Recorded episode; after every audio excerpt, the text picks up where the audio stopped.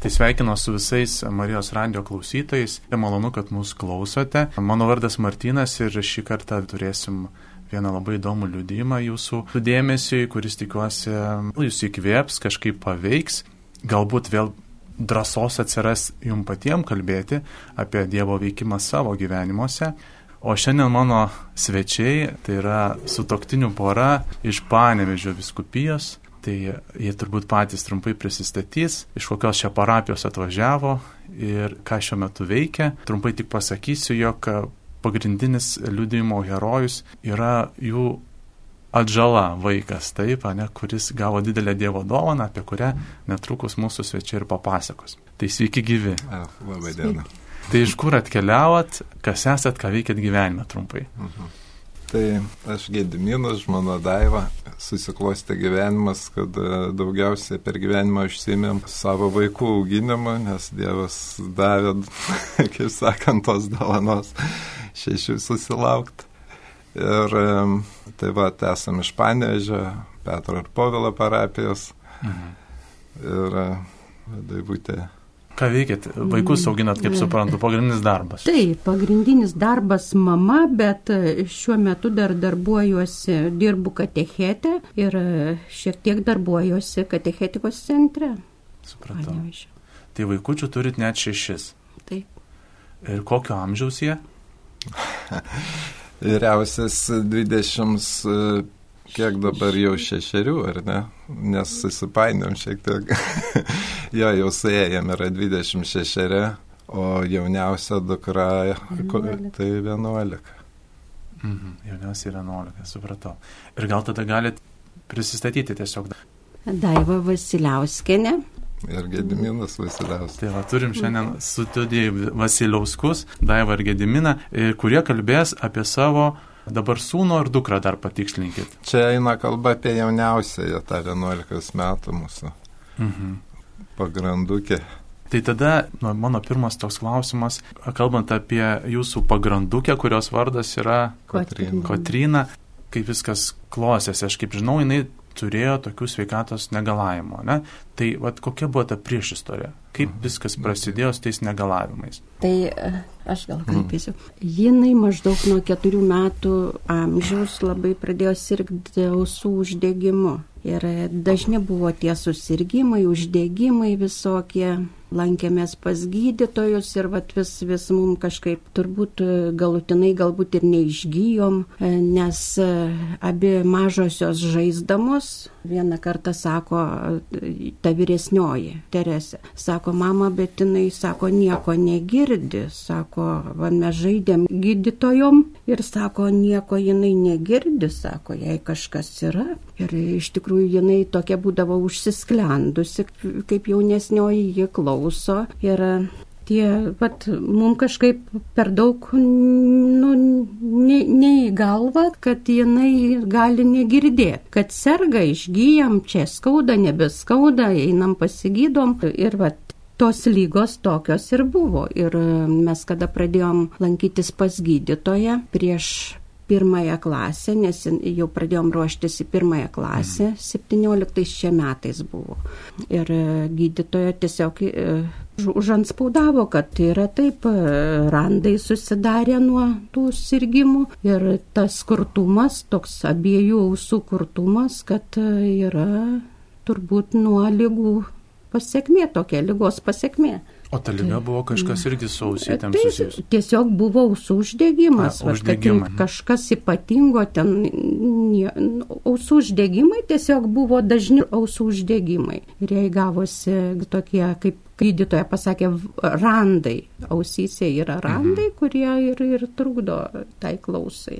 Supratau. Tai, tokia. tai apsilankėt pas e, medikus ir jie pasakė, kad yra randai, dėl to prastėja mergaitės klausa. Taip, ir, ir visus metus mes lankėmės, tada jau pastoviai pradėjom lankytis, gydytis jau dabar nebe ausų uždegimą, bet tą kurtumą. Mhm. Ir visus metus lankėmės ir nieko, nu, nieko geriau, mes tik tai matom, kad tas vaikas visinai vis užsisklendžia, ji labai užsisklendė kažkaip ir matom, kad jinai nebegirdi, jau, jau tiesiog kartais ir gestikuliuoti reikia su ją, va, kai pakvietė, jinai nebeatsiliepdavo kartais, kai ją kvietė. Ir tiesiog iš pokalbio, va, mes sirgom, sirgom ir mes kažkaip kalbėdavom kitiem, va, turim tokią bėdą, kad uh, serga mūsų mažesnioji Kotrina. Kartą su seserim vienuolėm pakalbėjom ir jos sako, tai jūs sako, turėkit vilties, sako, eikit pas kitus gydytojus, eikit,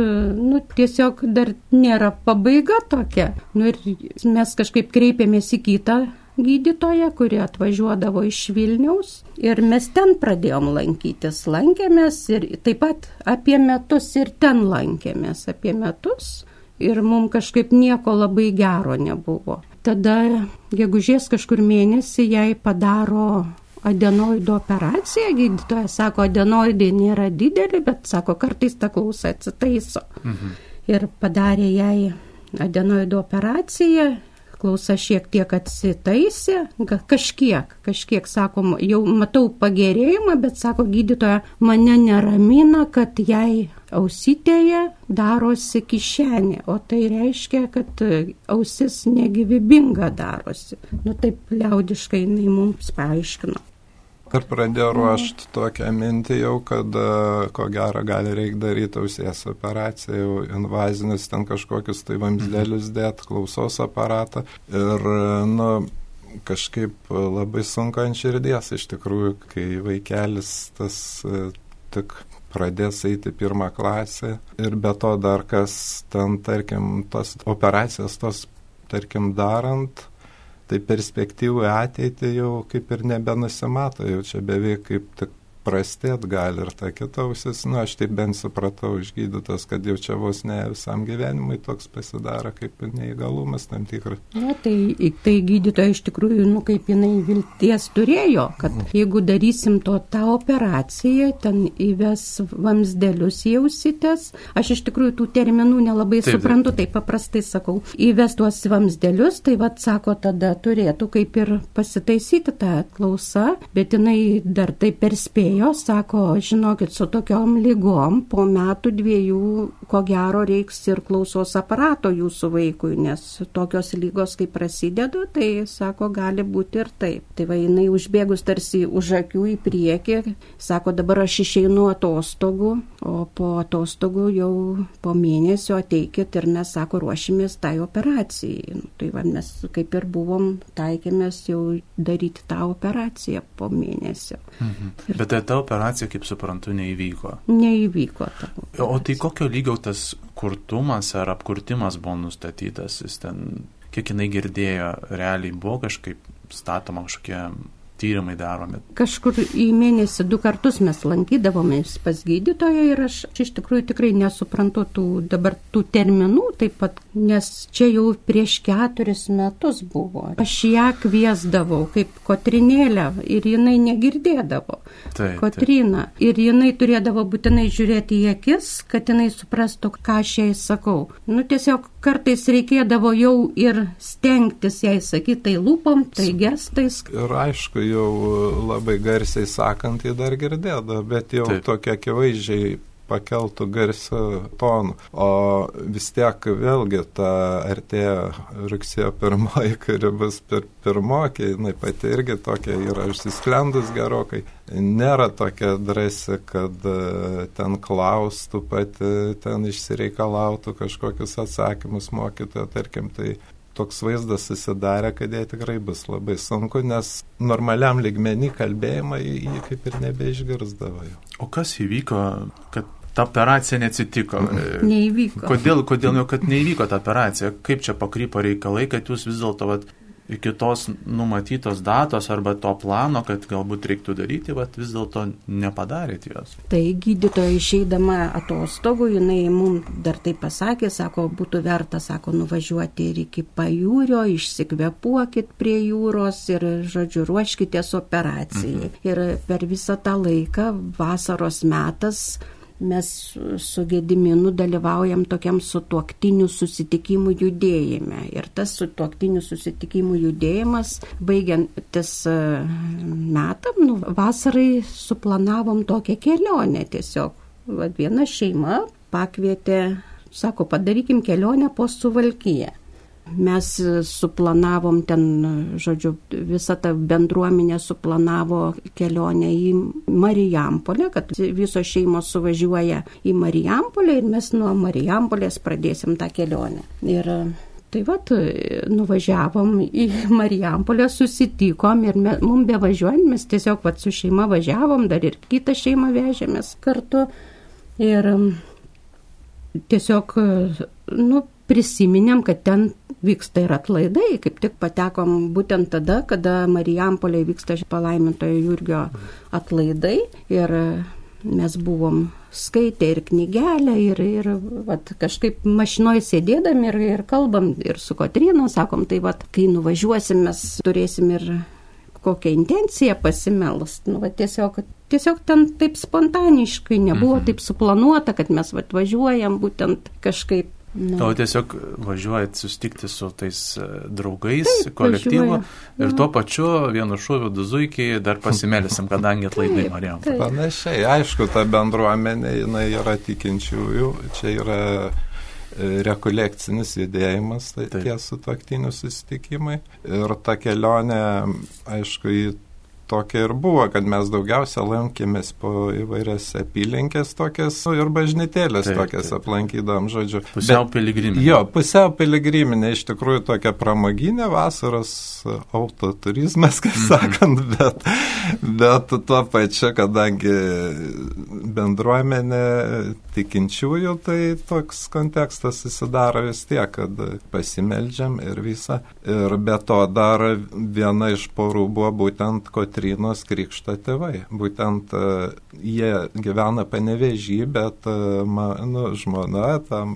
Krikšto mama. Krikšto mama yra Mariam Palietė ir ji kaip tik Kotrinos krikšto mama, tai vat mes paskui sakom, vat, ir krikšto mama tiesiog tame dalyvauja, nu tarsi. Irgi tokiu nesuplanuotu būdu, bet e, vis tiek tame, kaip sakant, įvykėje gyvenimo ir krikšto tėvai buvo. Tai kaip viskas klostosi toliau, atvykstate į Marijampolę? Taip, tai mes nueinam vakarinių mišių, į vakarinės mišes ir po mišių nueinam, bet tikrai pasimelst prie palaimintojo Jurgio ten altoriaus.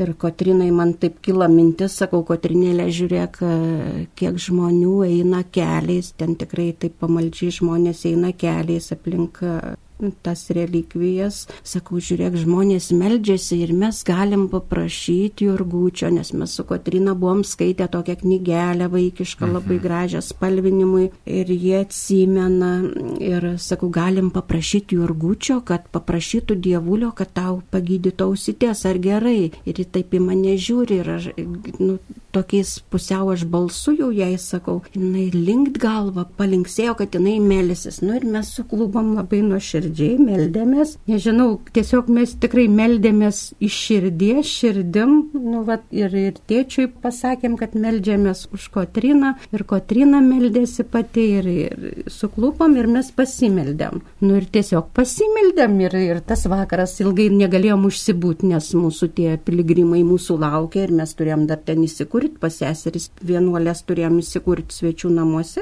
pernakvoti ir kitai dienai planavom jau kelionės, nu, tą tokį tesinį, planavom važiuoti į Lūginę, į, Taip. į Matulaičio tėviškę ir toliau. Ir, vat, rytą atsikėlę, jau sėdamės į mašinas, važiuosim, tęsim tą kelionę ir žiūrim, kad mūsų mašina sugedo.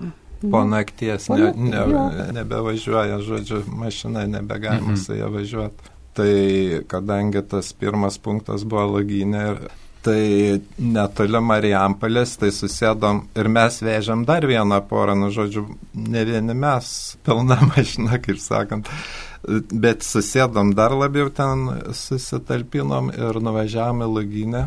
Ir būtent ir tenai dar kažkaip irgi pasimeldėm, bet radau tokią, nu, kaip brošiurėlę arba kaip kaip sakydavo seniau, abarosdėlį Jurgio Matalaičio palaimintojo. Ir ten kažkaip tada tik perskaičiau, kad jis tarsi, nu, pats gyvenime gan negalios turėjęs, tokios fizinės, kad jį būtent jis toks kaip patronas tų lygų gydymą, tų lygų gydymą, žodžiu, toks, nu, žodžiu, tarsi užtarėjęs lygose ir toj lūginiai kažkaip labiau taip per sąmonę persmelkia, kad būtent jis būtent tų reikalų meistras yra dvasinė prasme ir ten irgi meldėmės. Tai... Ir ten buvo dar moteriškės tokios, jos kaip būdinčios buvo, priimdavo mhm piligrimus ir jos taip pat mums kažkaip pradėjo pasakoti ir sako labai jisai palaimintasis labai duoda, teikia daug malonių ir būtent ligonėm. Ir mums vėl palėtė tą, kad vat, būtent ligonėm suteikia daug malonių, galim ligoniai gauti per jo užtarimą. Ir tiesiog ji papasakojo, kad vat, vyksta išgyjimai ir, žinau, vat, dar Gediminas taip nu, nustebęs, taip atidžiai išklausė, kaip tai yra, tai buvo, nu, priminimas tiesiog mums, kad mes iš tikrųjų nepaliautume, turbūt melstumėmės ir ten visa jau tie tos mūsų šeimos nuvažiavę, mes meldėmės Litanijoje į palaimintą, taip tikrai toks maldingas tas laikas buvo. Ir sugrįžus mum, nu kaip mes kelionės toliau negalim tęsti, nes ta mašina sugedus ir, ir Tai tai, kad sugedo mašina, lėmė tai, kad visa ta grupė turėjo užtrukti Marijampolį ir nuėjo į, į centrinę tą pagrindinę sumos. Sumos mišes. Jo, sumos mišes, tų atlaidų minėjimą. Mm. Ir žmona su dukra vėl nuėjo. O, o, nu, ten aš ir dar du vyrai mes pasilikom žiūrėti, ar galima pataisyti, ar kažkaip kitaip reikės spręsti tą mašiną. Nu, tą klausimą. Jo, ir einant į tas mišes, mes sakom, vis tiek eisim, moteris tikrai nei minties kitos nebuvo, kur mes eisime, eisime mišes. Ir einant taip jau, einant pro duris, man tokia mintis, tokia paskata, kad visgi atlaidai vyksta ir aš turiu prieiti iš pažinties. Nu, Ir, nu, man tokia paskata vidinė, kad aš turiu eiti iš pažinties, bet galvoju, kaip aš čia prieisiu dabar spontaniškai, aš per daug nepasiruošiau, kaip čia bus dabar. Ir aš įėjau su mergaitėm, jos dar mažesnės, jos dar buvo, įėjau į bažnyčią ir žiūriu du kunigai iš pažinčių klauso, prie vienos klausyklos ilga tokia eilė, prie kitos nieko beveik nėra ir aš taip galvoju, nu, mergaitėm, kad neatsibostų, tai aš einu ten, kur nėra tų žmonelių, aš tiesiog einu, nu ir kiek jau spėjau mintimis perėjau per save ir tiesiog suklupau prie tos klausyklos, garbėjai Jėzui Kristui ir aš iš tikrųjų nieko daugiau neatsimenu, bet įvyko tokia ta išpažintis, nu, kad aš gyvenime nu, nesu tokios patyrus išpažinties, aš iš tikrųjų nieko neatsimenu, tik žinau, kad kunigas manęs labai daug klausinėjo, labai daug klausinėjo ir pabaigoje pasakė ir ta išpažintis tikrai labai ypatinga buvo daug klausinėjo, aš daug atsakinėjau, kaip ten ką, nieko neatsimenu, tik tai žinau, kad kunigas pabaigoje sako, nu va, sako, bendrom jėgom, sako, mes atlikom atgailos sakramentą. Ir aš paskui galvoju, kad po viso to. Aš buvau kaip ir nepasiruošus iš tikrųjų, bet tai išpažintis tokia buvo. Nu, vat, iš kur, nu, tiesiog tikrai palaiminga išpažintis, kad vat, gali būti ir toks atgailos sakramentas. Nu, tai va, ta istorija tokia, kad atsimenu, kad tikrai ta išpažintis buvo labai ypatinga, grįžus namo, aš dar žinau, draugam pasakojomės, kad sakau, kokia tai išpažintis, žinokit, kokia išpažinti, galbūt suvalkyjo tokios tik tai išpažintis yra. ir galvoju, tai va, žinokit, sakau, ką aš pats. Tai Taip, turbūt toje vietoje padarysim trumpą pertraukėlę, šiek tiek atsikvėpimui ir Marijos radio klausytojų raginu niekur nepabėgti. Netrukus sugrįšime į eterį ir toliau tęsim štai įdomią istoriją. Tik greito sustikimo.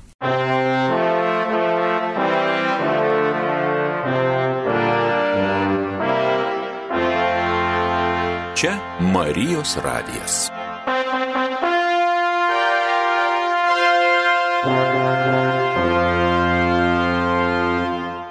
Tai sveiki sugrįžę į Marijos radio laidą, kurioje mes kalbame apie Dievo suteiktas malonės ir Dievo gytas malonės. Šiandien laidoje aš Martinas kalbinu Daivą ir Gediminą, taip pat sveiki ir YouTube kanalo Didesnė Dievo garbiai žiūrovai, malonu, kad stebite mūsų kanalą ir visus tuos, kurie mus girdite, bet nematote, taip pat raginau keliauti internetinę platformą ir e, mėgautis šitų vaizdų ir garsų kartu sudėjus. Tai va, tai galite padaryti nukeliaudami YouTube kanalą Didesnė Dievo garbiai. Pirmoje dalyje kalbėjome apie Daivos ir Gedimino kelionę į Marijampolę, maldos patirtis, ypatingą išpažinti, kad automobilis sugedo ir, ir dėl to turbūt irgi buvo nulemtas vienas momentas, ko, ko pasiekoje jie pasiliko Marijampolė ir turėjo tikrai labai malonės dvasinės patirtis. Ir kaip tada istorija vystosi toliau. Kelionė piligriminė turbūt tęsiasi, daug pamatėt gražių bažnytėlių, aplankėt daug gražių kraštų. Visi galų gale teko grįžti į Panevežį. Taip. Ir savaitę po kelionės mes turėjom, jau buvo mums nustatyta diena, kada mes turim apsilankyti pas gydytoją. Pasidarėm tuos tyrimus iš ankstinius, ten reikėdavo pasitikrinti ausites. Ir, žodžiu, nueinam pas tą gydytoją. Gydytoja pasisodina Kotriną man ant kelių ir jinai apžiūri taip ramiai, padeda viską ir sako, na kągi mergaitės, aš jūs paleidžiu.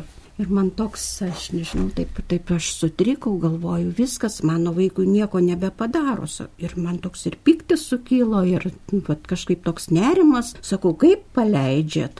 Sako, nebeturiu ką gydyti. Ir kaip sako, žmonės, ačiū tau dievulį. Ir gydytoja taip, taip sudeda rankas ir sako, ačiū tau dievulį. Ir man toks, vat, nežinau, toks kaip štampas užsidėjo, aš kada Kotrinai sakiau, Kotrinėlė, pasimelstim, kad e, Jurgutis paprašytų dievulio, kad e, tau pagydytų ausites ir gydytoja irgi tokiu mažybiniu tuo žodeliu sako ir, ir ačiū tau dievulį. Ir man taip tarsi susiveda, kad čia tikrai buvo būtent tas momentas, kada mes buvom Marijampoliai, nu vad, kad dievulis išgirdo iš tikrųjų nu, buvo neįtikėtina iš tikrųjų, kad e, aš jau buvau nusiteikus, kad vat, mums dabar pasakys, ką mes turim daryti, toliau vat, operacija, kai buvo planuota ir gydytoja pasako, kad nu, neturiu ką gydyti.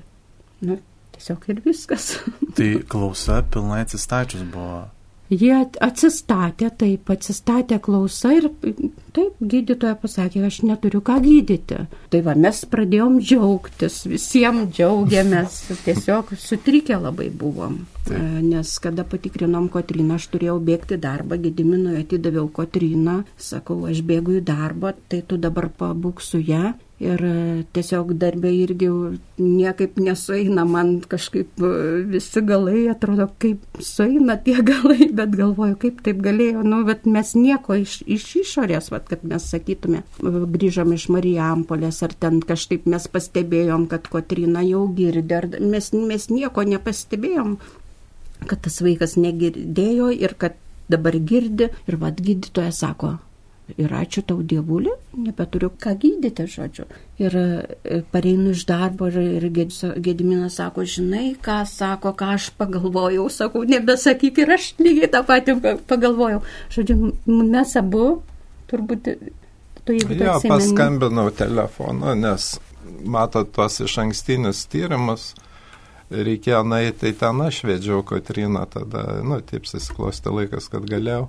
Ir, nu, ten tų atsakymų per daug nesako bet e, kažkaip... Nu, gydytoja turi paaiškinti. Jo, visas išvadas pateikia gydytoja, bet man kažkokia nuojauta iš tų reakcijų buvo, kad kažkas pasikeitė tarsi ir tada Daivutėva buvo jau pas gydytoją, bet turėjo skubėt, mes ten neturėjom laiko aptart to, to tokio pokyčio, bet e, tarkim atėjo galva, kad nu, tikrai kažkaip labai staigus toks po tos kelionės maldų Marijampolei, kad tas pokytis toks ir, ir aš skambinau ir, ir vat, sakom, aš pagalvoju ir Daivutė sako, net neklausus jau, ką aš ten pagalvojau, sako ir aš tą patį pagalvoju.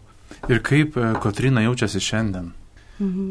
Bet Kotrina šiandien jau yra penktokė, Nu, jinai turi tokį, nežinau kaip pasakyti, ausis jos sveikos šiuo metu, kad negirdėtų, negirdim, aparatų nereikia kol kas. Ji yra labai užsisklendus ir vat, maža kalbė labai.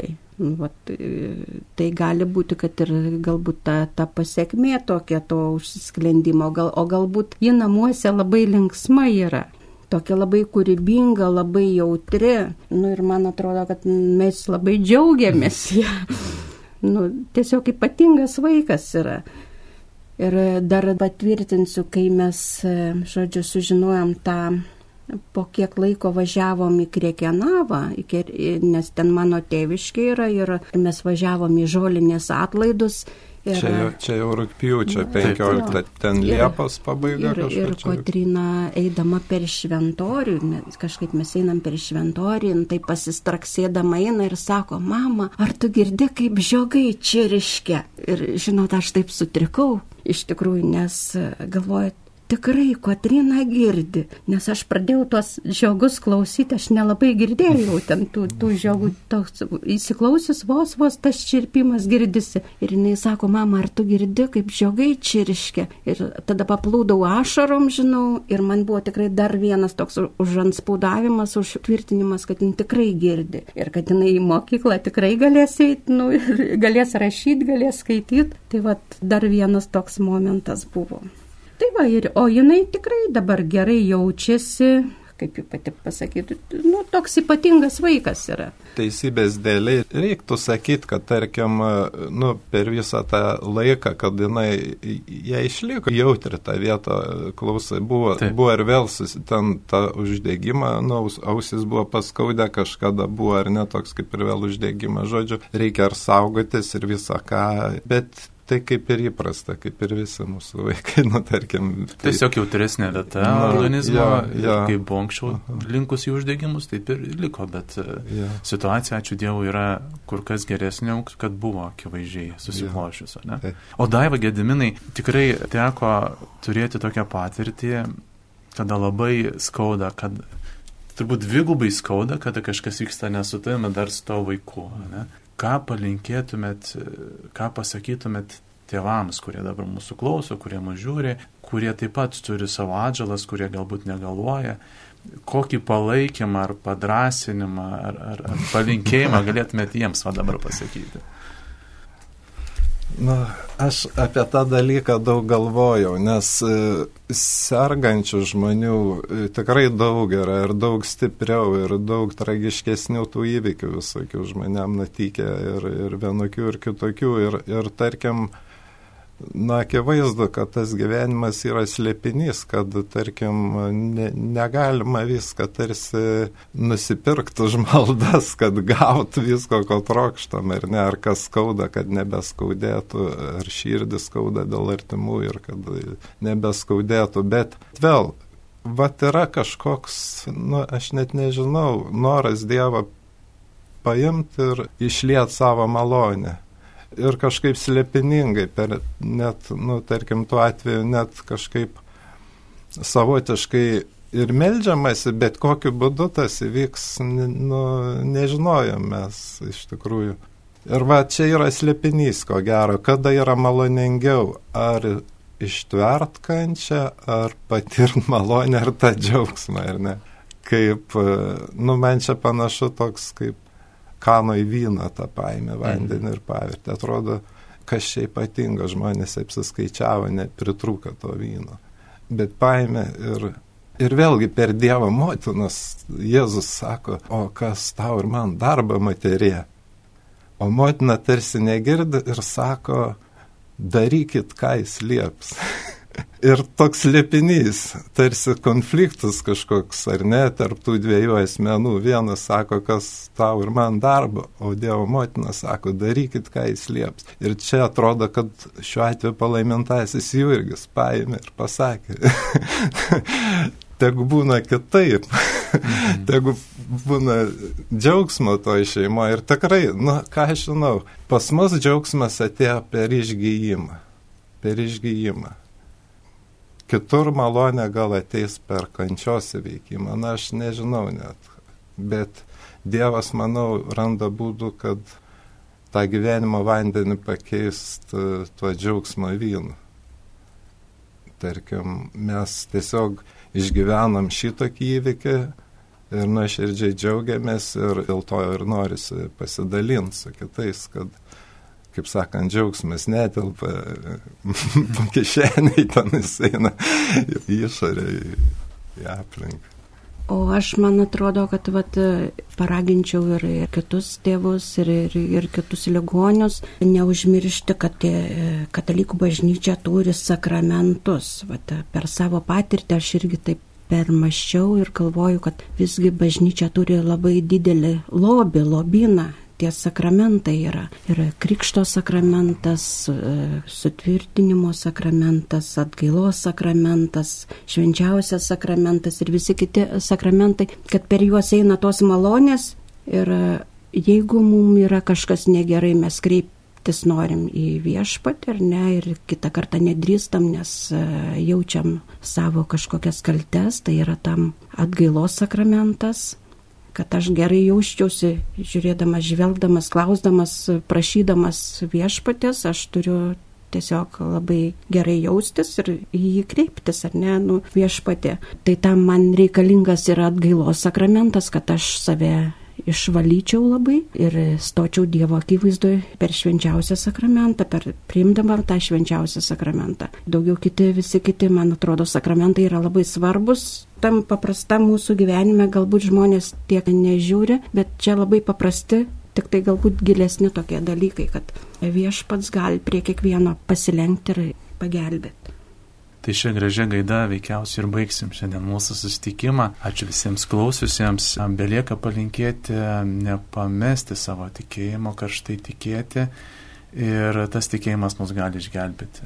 Kaip matot, yra dideli liūdėjimai Dievo veikimo, tad mums belieka leisti jam veikti savo gyvenimuose ir nepamiršti pagrindinių dalykų, pagrindinių dovanų, kurias mes jau dabar turim, kaip ir sakė Daiva, sakramentai, ne? kuriais tiesiog turim jos ir kartais pamirštam ir nesinaudojam. Tai kviečiu jais visus naudotis. Iki malonaus. Iki. Iki.